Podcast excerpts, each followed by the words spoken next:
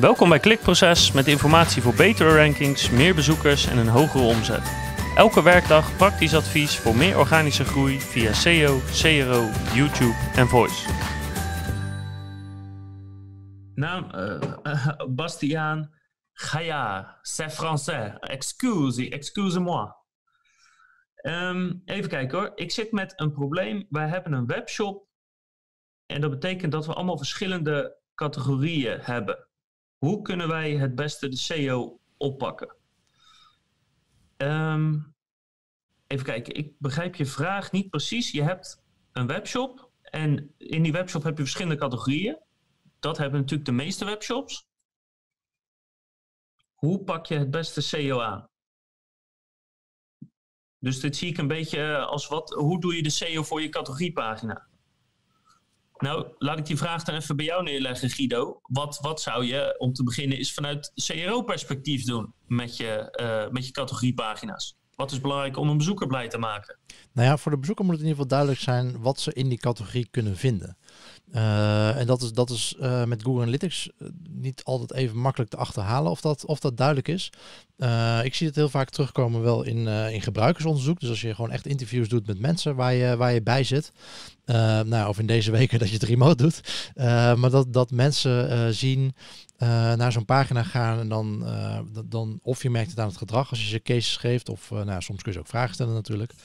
Um, en dan, dan kom je er wel achter van, oké, nou ja, je ziet hier, of mensen gaan naar het menu, zien daar jouw categorienaam staan. Um, um, en, en, en dan vraag je van, oké, wat denk je wat voor producten daarin, daarin zitten? Um, je kan ook uh, een soort, een, een, is een andere test die je kan doen, een soort van card sorting. Een populaire test die je kan doen, waarbij je allemaal producten eigenlijk op een kaartje schrijft. En aan mensen vraagt van oké, nou ga die producten maar indelen. Leg ze maar op stapeltjes van, de, van, de, uh, van die producten die je denkt dat bij elkaar hoort. En, en geef daar een naam aan, aan zo'n categorie. En dan kijk hoe dat overeenkomt met, uh, met de producttitels die, die je eigenlijk inderdaad hebt op die pagina. dat zijn manieren om daarachter te komen of het in ieder geval voor de bezoeker duidelijk is. En op, om op een manier die, die, die categorie in te delen die, die voor bezoekers wat meer intuïtief is. Ehm, en ja, vaak komt het niet overeen met wat, wat de backend jou dicteert. Wat jouw backend systemen, jouw ERP of wat dan ook aangeeft. Uh, hoe die categorieën ingedeeld moeten worden. Dat, dat kan wel eens verwarring opleveren voor, voor bezoekers. Dat ze echt geen idee hebben wat ze, wat ze kunnen verwachten bij die categorieën of subcategorieën die je hebt. maar goed, dus, dus tijdens gebruikersonderzoek daar, daar gericht ehm, op letten. Of met card sorting dat proberen te achterhalen. Dat is de manier om dat in ieder geval duidelijk te krijgen voor de bezoeker. Dat ze weten wat ze daar kunnen vinden. En natuurlijk kunnen, kun je teksten toevoegen. Dat kunnen SEO-teksten zijn, maar ook gewoon de, de, de, teksten die je bovenaan zo'n pagina plaatst. Om duidelijk te maken wat daar in zo'n categorie zit. Ehm, ja, voor de, voor de bezoeker maakt er geen hele lappe teksten van. dat is voor SEO misschien leuk, maar voor de bezoeker zelf niet. Die, gaat, die zijn ook wat visueler ingesteld. Dus je op, op een visuele manier dat kan duidelijk maken. wat voor producten er in de categorie zit. Dat je soort, uh, nou ja, jouw, jouw top X producten uit die categorie op een tafel zet, daar een foto van maakt. En dat is jouw categorie foto. Dat kan het wel vaak duidelijk maken. Ik zie heel vaak ook de verwarring ontstaan als mensen categorieën, als ze daar een foto bij zetten van één product in die categorie. En dat ze dan denken van nou, het gaat om nou, keukenspullen, maar er staat alleen een pan op die, paar, op, op, die, op die foto. Dan denken mensen heel snel van oké, okay, dat zal dus alleen wel om pannen of, of misschien keukengerei gaan, maar hebben geen idee dat er dan ook bestek bij zit bijvoorbeeld. Uh, dus dat soort dingen kunnen, kunnen verwarrend zijn. Uh, dus ja. dat. Ja, en um, de reden daarvoor is, um, kijk, een belangrijk onderdeel van SEO is gewoon zorgen dat je bezoeker uh, tot op zekere hoogte blij is met het resultaat. Want er is niks ergens voor je SEO als mensen die komen, terugklikken en naar het resultaat uh, eronder klikken. Want één, je verdient er geen geld aan. En twee, het is een extreem sterke indicatie dat het resultaat onder je beter is dan jouw resultaat. Um, dus eigenlijk in feite is CRO op zulke pagina's daar ook een stukje van. Dus hou er rekening mee dat bezoekers daadwerkelijk geholpen moeten worden. Uh, dat ze soms vanuit categoriepagina's ook al daadwerkelijk kopen. Uh, dus dat is één onderdeel. Uh, tweede is, um, afhankelijk een beetje van je positie, probeer altijd de top drie van Google te spiegelen.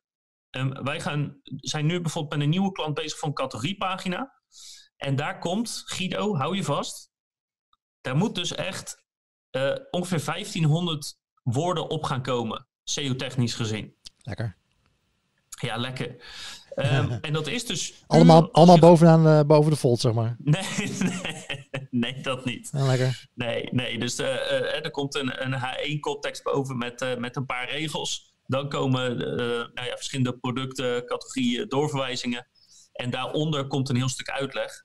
En dat is omdat als je kijkt naar alle concurrentie in de top 10 en dan ook nog specifiek naar de top 3, ze hebben het allemaal. En dat is niet per se, dat maakt het niet een voorwaarde dat je dat per se nodig moet hebben om in die top van Google te scoren. Alleen de, de beste strategie is doorgaans door eerst je concurrent te spiegelen en dan vervolgens proberen dingen beter te doen. Uh, het is een beetje, uh, met, met CRO heb je dat natuurlijk ook, als je gewoon ziet dat andere sites gewoon dingen wezenlijk slimmer of beter doen, ja, dan kan je wel proberen het wiel zelf opnieuw uit te vinden. Maar meestal is even pakken wat zij doen dat opzetten uh, en vanaf daar verder gaan. Gewoon een strategie die je veel snel veel, veel verder brengt. Ja, ik heb, ik heb daar zelf, het is een beetje mixed feeling zeg maar. Het hangt er een beetje vanaf waar, waar je dat op toepast. Um, uh, het is, het is uh, voor heel veel dingen ook, die, zijn op, die, die, die gebeuren gewoon op websites, die zijn gewoon zo en iedereen doet dat zo, waardoor een gebruiker eraan wendt dat, dat het zo is. Uh, Dus, dus nou, bijvoorbeeld dat een, een, logo staat altijd linksboven. Dat zijn we zo gewend. Uh, menus die staan altijd uh, of helemaal bovenin uh, als, als een horizontaal menu, of aan de linkerkant als een verticaal menu. Dat zijn we nu eenmaal zo gewend. Um, als we helemaal blanco zouden beginnen met z'n allen, zeg maar, uh, tabula rasa, uh, iedereen begint vanaf nul, uh, dan zou het misschien best wel een andere manier ook daar logisch voor, zijn, voor kunnen zijn. Of misschien zelfs beter kunnen werken bij heel veel dingen. Ik, heb nu, dat waren maar twee voorbeeldjes. Um, maar omdat we dat nu eenmaal zo allemaal zo gewend zijn, dan, dan, dan zet je daarmee met z'n allen de standaard. Dus dan, dan kan het en als je daar dan van afwijkt, dan kan het ja, twee manieren zijn. Of het werkt juist heel goed, omdat je, dat het opvalt. Uh, maar je moet er wel bewust van zijn, en dat, dat, moet je wel echt valideren met, met bijvoorbeeld een AB-test. Werkt het dan ook daadwerkelijk? Is dat niet negatief? Of zijn, bedoel je, het is leuk om, om verrassend en uh, zeker die designers, sommige designers hebben daar wel een handje van. Van ja, maar dat is heel anders en dan super innovatief. En ja, dat is leuk, maar als daarmee mensen verwarrend of, of mensen verward worden. Ja, dan helpt dat natuurlijk niet. Je moet wel niet je doel voorbij streven wat dat betreft.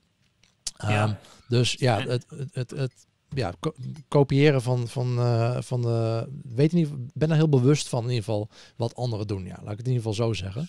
Nou ja, en in dit geval bedoel ik dan vooral dat um, als je bijvoorbeeld een, een pagina hebt die op een hele. Uh, die iets heel ingewikkelds probeert uit te leggen in 4000 woorden. En je ziet dat uh, uh, bijvoorbeeld, ik had het net over hypotheek, bijvoorbeeld een pagina die textueel uitlegt ja. hoe je een hypotheek kan berekenen. En dan, komt er, uh, en dan kijk je echt naar de top van Google en dan zie je dat ze allemaal een hele goede calculator hebben. Of een tabelletje waar je het heel makkelijk in kan ja. aflezen. Ja, weet je, dat, dan wordt het een beetje zo'n no-brainer van ja, dat antwoord is gewoon veel beter dan mijn antwoord. Ja. Ja, dat, dat is dan ook de gewenning die mensen hebben, zeg maar. Als, als, ik bedoel, zeker bij hypotheken. Uh, ja. Dat is natuurlijk iets, dat is ook een typisch product wat mensen heel veel vergelijken ook.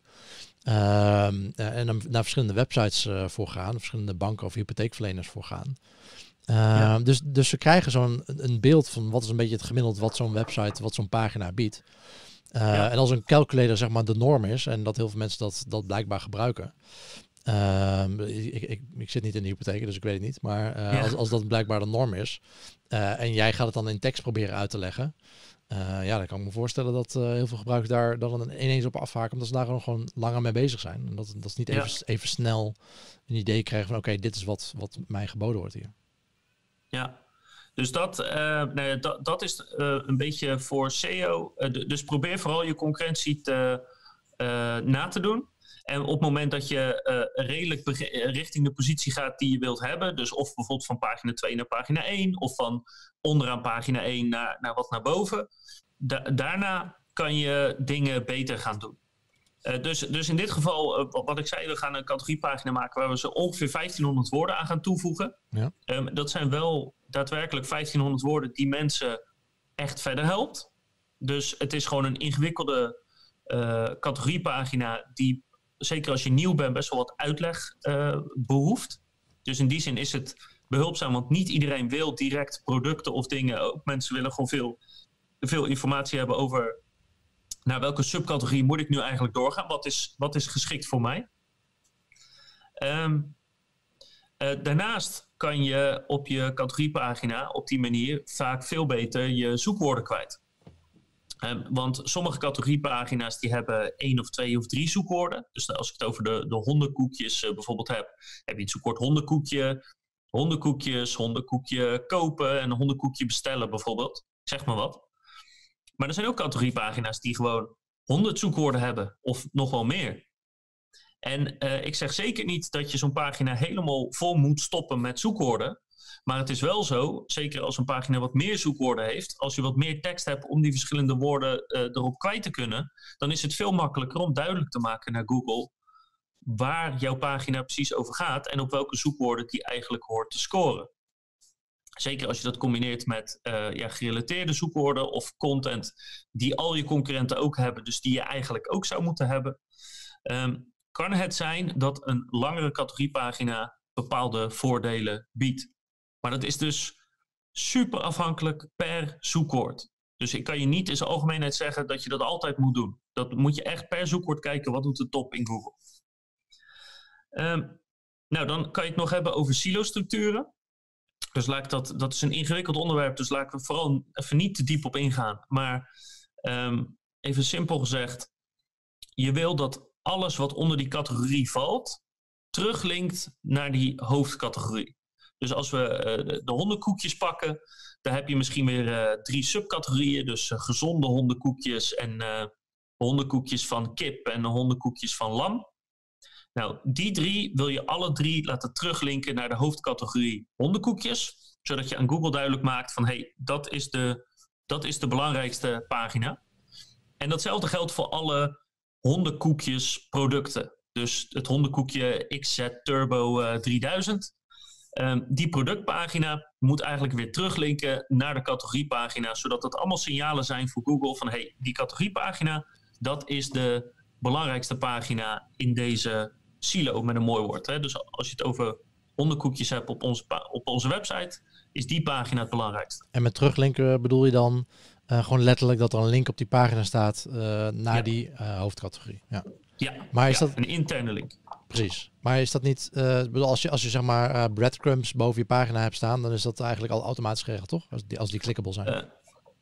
Ja, dus dat, dat is er één. Alleen je breadcrumbs is niet hetzelfde als een link hebben in je content. Ah, zo, ja. Dus, uh, dus dat is zeker een, een goede eerste start. Maar ik zou het uh, ook op de pagina zelf doen. Um, als je het hebt over interne linken, dan kan je niet om bol.com heen. Die zijn echt de koning van interne linken. ga maar eens kijken hoe zij dat regelen. Kijk maar eens op een product en dan moet je heel even zoeken bij de eigenschappen. Maar die hebben een hele goede manier om die interne linken te regelen, bijvoorbeeld. Okay. Uh, dus ik, ik, zal zeker niet zeggen, dat weten we voor Cero ook, dat je zomaar naar de grote jongens moet kijken om te kijken wat die doen. Uh, dus ik bedoel niet dat iedereen nu bol.com moet kopiëren, maar specifiek qua interne linken voor een webshop heeft bol.com het gewoon heel goed uh, voor elkaar. Oké, okay, tof. Um, en dan hebben we nog linkbuilding. En linkbuilding voor een categoriepagina is heel moeilijk. Want uh, überhaupt het laten linken van mensen naar een commerciële pagina is heel moeilijk. Want ja, linken naar informatie, naar een onderzoek, naar een bepaalde mening van iemand, naar een uh, auteurspagina, weet je, dat is allemaal logisch. Maar wie gaat er nou naar mijn hondenkoekjespagina linken helemaal uit zichzelf? Um, ja, wanneer doe je dat? Uh, ja, op een forum misschien. Als iemand specifiek de vraag stelt: uh, hey, waar, uh, waar kan ik goede hondenkoekjes kopen? Of in een Facebookgroep of in een Slack-groep van: hey, ik zoek hondenkoekjes, waar moet ik heen? Ja, daarheen. Um, maar voor de rest gebeurt dat gewoon niet zoveel. Dus je zal echt aan de slag moeten. Heel actief mee aan de slag moeten om dat te doen. En Um, het voordeel is wel van, van de links die je net opnoemt, dat zijn wel ja. hele actiegedreven links, zeg maar. Dus het zijn altijd wel uh, de mensen die echt op zoek zijn naar dat product. Dus als mensen op zoek zijn naar, uh, of linken naar jouw content, uh, dat zijn wel meestal, nou ja, die mensen zijn geïnteresseerd in die content, maar dat wil niet zeggen dat ze per se geïnteresseerd zijn om wat te, te kopen. Terwijl de mensen die net zoomen, als je inderdaad, inderdaad iemand in een forum vraagt van oké, okay, waar kan ik nou, gezonde hondenkoekjes krijgen en hier heb je een link. zijn wel Ja. mensen, de, de, de, de kans dat ze converteren is een stukje hoger, zeg maar. De, de, de intentie is in ieder geval eh, eh, wat hoger om te kopen. Ja, dus daar, daar, dat is zeker een goed startpunt. Alleen het probleem daarmee is meestal, ehm, dan heb je vijf sites, misschien tien, en dan houdt het op. Me- Ja. Meer sites zijn er gewoon niet die, die, die het wel eens hebben over hondenkoekjes. Ehm, en dat kan niet genoeg zijn om te scoren in Google. Ja. Dus dan heb je toch echt, eh, ja, je hebt gewoon meer nodig. Eh, en waar, hoe kom je aan die meer? Ehm, nou ja, dat kan op verschillende manieren. Eh, de makkelijkste, maar ook de duurste, is om gewoon te betalen. Eh, om bijvoorbeeld een blogger te vinden die veel blogt over dieren, in zijn algemeenheid bijvoorbeeld. En om gewoon die blogger te benaderen eh, en te zeggen: wat kost het als je mijn hondenkoekjes wil promoten? Of kan ik jou eens een paar zakken opsturen? Of zullen we samen een video maken, bijvoorbeeld over, eh, over hondenkoekjes? Ik zeg maar wat. Dat is de meest voor de hand liggende manier. Dat is de manier die het meest gebruikt wordt. Maar dan nog steeds is het. Het principe is simpel, maar de uitvoering niet. Want je moet ze vinden, dan moet je ze. eh, zeg je dat? Vetten. Eh, je moet ze goedkeuren, zeg maar. Je moet contact met ze zoeken, je moet onderhandelen. Eh, daar gaat heel veel tijd in zitten, in dat allemaal. Ehm, een alternatief daarop, en dat zijn er niet heel veel, eh, als, je, als je echt een categoriepagina linken wil hebben, is eh, nou ja, de bekende directories, de, de startpagina's. Ook dat is eh, kopen. En, en wat je zou kunnen doen, is dat je hele toffe content maakt die hondenkoekjes gerelateerd is. En die plaats je dan onderaan je categoriepagina als. dan plaats je daar de linken naar die onderzoeken. En wat je dan kan doen als je zulke, of ik zeg nu onderzoeken of stukjes of calculatoren of, of andere info waar mensen wat aan hebben. Ehm, als je dat vervolgens gaat promoten om proberen backlinks te verdienen. En je stuurt mensen eh, naar de hondenkoekjespagina en dan zeg je nou onderaan eh, kan je het hele onderzoek vinden. Dan is de kans redelijk dat als ze een link plaatsen, dat ze dat dus doen naar die hondenkoekjespagina en niet naar de pagina van het daadwerkelijke onderzoek. Ehm, ongeveer 30% van, van de mensen die dan linken, linken niet rechtstreeks, maar die linken naar jouw categoriepagina. Dus dat kan een goede manier zijn om daar linken heen te krijgen die een concurrent daar niet zomaar heen gaat krijgen. Maar dat is moeilijk, tijdrovend, eh, duur. Maar iedereen doet het, want ja, dat zijn wel de, de, de zoekwoorden die converteren. Iemand die googelt op eh, hondenkoekjes of hondenkoekjes bestellen. Ja, dat is gewoon een grote, een goede potentiële klant. Ik hoop dat dat eh, lange antwoord eh, je wat inzicht geeft in, in SEO voor categoriepagina's. En, Eh, en maar- hopelijk maar hadden we de vraag überhaupt goed begrepen. Ja, ja er, kwamen wat aanvullende opmerkingen, dus Ah, volgens mij wel. Maar, maar, maar SEO voor, voor commerciële pagina's, of het nou een categoriepagina is of een, weet ik veel, eh, spouwmuurisolatie in Utrecht, zeg maar. Voor zulke soort pagina's is gewoon moeilijk, duur, tijdrovend. Eh, maar het is het over het algemeen wel waard eh, op de lange termijn. Omdat het gewoon geld oplevert. Ik heb wel een vraag die daarop eh, inhaakt. Ehm, eh, je kan me voorstellen, ik nou, wat ik zeg, is ook eh, die, eh, eh, die, die livestream gedaan. Het lijkt een beetje voor, voor de meeste partijen online, in ieder geval nu, lijkt het een beetje, en voor de meeste bedrijven denk ik nu, in twee categorieën te vallen. Of je gaat echt een paar keer over de kop nu, en dat het echt fantastisch is en superveel mensen die, die wat bij je aanvragen, die wat van je Ja. willen kopen. Of het is gewoon eh 90% ingekakt en eh, ehm, eh, je zit met je handen in het haar en je weet niet wat je moet doen. Ehm, ehm, nou, voor, voor de eerste categorie, top, eh, succes. Eh, probeer het vol te houden, eh, veel kansen. Voor, voor die tweede categorie, voor de partijen die nu ehm, eh, eigenlijk een beetje ja, volledig zijn ingezakt en zich afvragen wat ze nu moeten doen. Kijk, ervan uitgaan dat we over enkele weken of maanden weer allemaal naar buiten kunnen en ons normale leven misschien wat in misschien min of meer aangepaste vorm weer kunnen hervatten.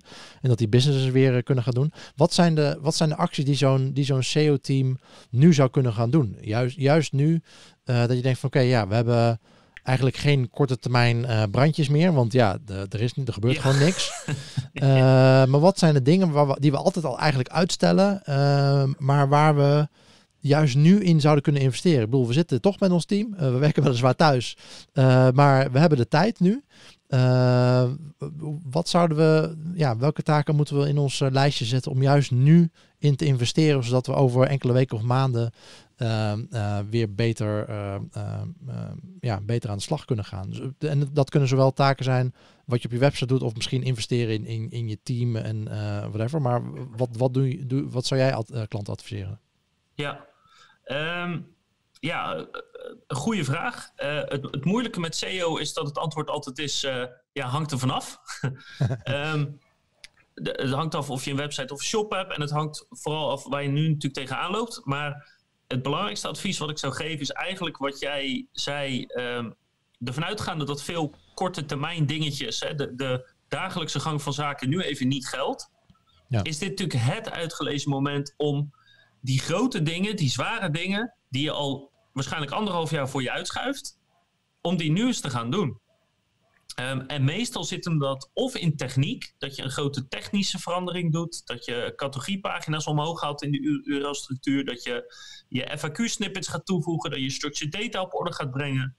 Um, zulke soort dingen. Ja. Uh, uh, even heel simpel gezegd ook, als er nu iets fout gaat, heb je toch maar 20% van je bezoekers van normaal. Dus ja, precies. Uh, is de impact minder?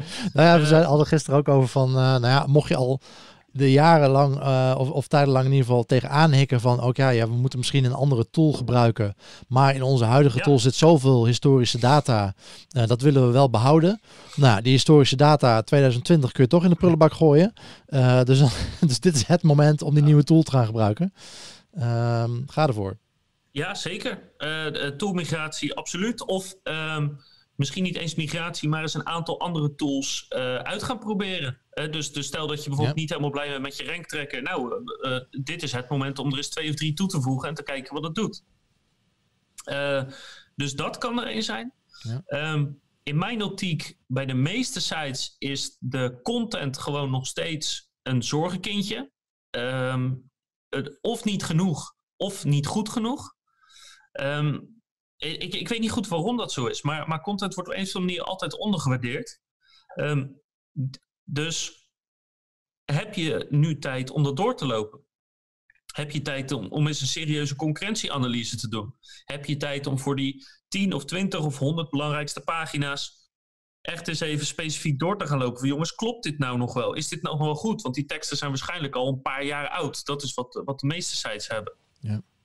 Uh, dus ja, dit zou een goed moment kunnen zijn om een grote content review te doen. Alleen, ja, zowel voor techniek als content geldt, dat ligt eraan of dat het belangrijkste issue is of niet. En de meeste bedrijven weten wel hoor, waar hun, waar hun probleem uh, zit. Um, maar ja, met, als je geen dagelijkse gang van, de, van zaken hebt en, en, je bent in je eentje of misschien met, met een klein team, um, dan kan je eens even al die concurrenten gaan uitpluizen en je eigen pagina's tegen het licht maken en, en een Excel-sheet gaan maken van de top 100 te verbeteren pagina's. Ja, er zijn vaak wel van die grote taken waar je dan tegenaan hikt inderdaad. Van, maar daar kom je niet aan toe vanwege die dagelijkse uh, ja, gang van zaken. De, de, de, brandjes die je moet blussen, zeg maar. Precies. Die grote um, dingen die je aan wil pakken. Ja, maar uh, niet alleen dat. Uh, je, je bent dan bezig met de belangrijkste pagina's waar je of zeg maar de quick wins hebt, het, meeste, of de pagina's die gewoon het meeste omzet opleveren, normaal gesproken. Dus alle tijd die je erin investeert is eigenlijk een hele goede slimme tijd om, om, uh, om erop te zitten. Want dat gaat zich op termijn wel uitbetalen. Ja. Ja, die content die je ehm, zegt, uh, doet me denken, ik heb een test gedaan. Uh, dat was op een, uh, een, een, pagina, een gifting, gifting website met bloemen. Zit er, mijn, zit er mijn presentatie over, over CRO. waar we een keertje een test hebben gedaan. Uh, door alle, alle omschrijvingen van, uh, van de bloemen weg te halen. En dat, dat was getriggerd door een uh, usability test, waarin de mensen die die teksten lagen, lazen van die bloemen, ja, die vonden dat die, die, die omschrijving van de bloemen sloeg eigenlijk nergens op, want dat had helemaal niks met dat boeket te maken. Dat was gewoon eigenlijk, eigenlijk die, die, die omschrijving van die boeketten, die komt bij elk boeket komt het wel staan, zeg maar. Ja, zo, ja, zo generiek. generiek dit is een mooie bloem. Ja, ja elk, elk boeket had een andere omschrijving, maar die was zo generiek dat het in principe bijna voor al dat boeketten wel van toepassing uh, zou kunnen zijn. Ze hadden een AB-test gedaan door alle omschrijvingen gewoon weg te halen. Uh, en dat converteerde beter dan, uh, dan de, de website met omschrijvingen. uiteindelijk hebben we niet de omschrijvingen weggehaald. Dat was niet, het, ook niet, niet per se het doel van de test. Maar dat liet wel zien van de huidige omschrijvingen die we hebben. Die toegevoegde waarde die is nul. Of sterker nog, die, die werkt conversie blijkbaar tegen. Uh, en, en, daarin investeren, dat zou een hele goede kunnen zijn. Want, want we zien ook op heel veel websites een goede omschrijving. Kan echt wel heel veel toegevoegde waarde bieden. Ja, zeker weten. Zeker weten. Dus, dus ja, die, die content, uh, dat zou zo'n groot project kunnen zijn. En de laatste is um, uh, linkbuilding. Um, kijk, in het nieuws komen nu valt niet mee tenzij je echt corona gerelateerd bent. Dus heel veel linkbuilding campagnes, uh, weten, merken wij ook, hebben gewoon veel minder uh, opens van de e-mails überhaupt, minder reacties, minder linken, minder alles. Bij de, bij de meeste linkbuilding campagnes. Dus veel linkbuilding campagnes zou ik niet per se aanraden op dit moment, tenzij ze uh, corona gerelateerd zijn, dan juist wel. Hè, dus het is een beetje alles of niks. maar omdat veel, dus dat is meer een business ding, veel bedrijven hè, bij onzekerheid uh, niet, uh, niet doorgaan. Dus veel bedrijven zetten hun marketingactiviteiten of stil of verminderen het. En dat heeft een directe impact op het inkomen van heel veel bloggers. Want als minder mensen, uh, het bedrijf geeft minder geld uit de marketing, dus minder geld aan SEO, dus er gaat minder geld naar bloggers toe. Dus het zou kunnen kunnen zijn de komende weken, maanden, dat de prijzen van linken behoorlijk naar beneden gaat. Uh, omdat die bloggers gewoon inkomen moeten hebben. En op het moment dat er gewoon veel aanbod is en weinig vraag, dan gaat de prijs gewoon naar beneden. Dus als je budget hebt, dan zouden de komende weken, maanden goede tijd kunnen zijn om linken in te kopen. Niet alleen om gewoon die bloggers door de crisis te helpen, maar ook omdat, het, omdat de gemiddelde prijzen uh, dalen, denk ik, verwacht ik. En daarmee um, ja, je meer geld voor je, uh, of meer, uh, meer link voor je euro's krijgt. Dus het is eigenlijk een win-win. Um, dus een gedeelte van je budget reserveren in afwachting daarop kan slim zijn. Um, ja, dat eigenlijk. maar, maar linkbuilding uh, als je echt campagnes wilt draaien, is niet iets wat ik op dit moment zou aanraden. Ik zou me meer op de techniek en de content focussen. En content specifiek, omdat het ook, wat je zei, conversietechnisch ook nog eens uh, kan helpen.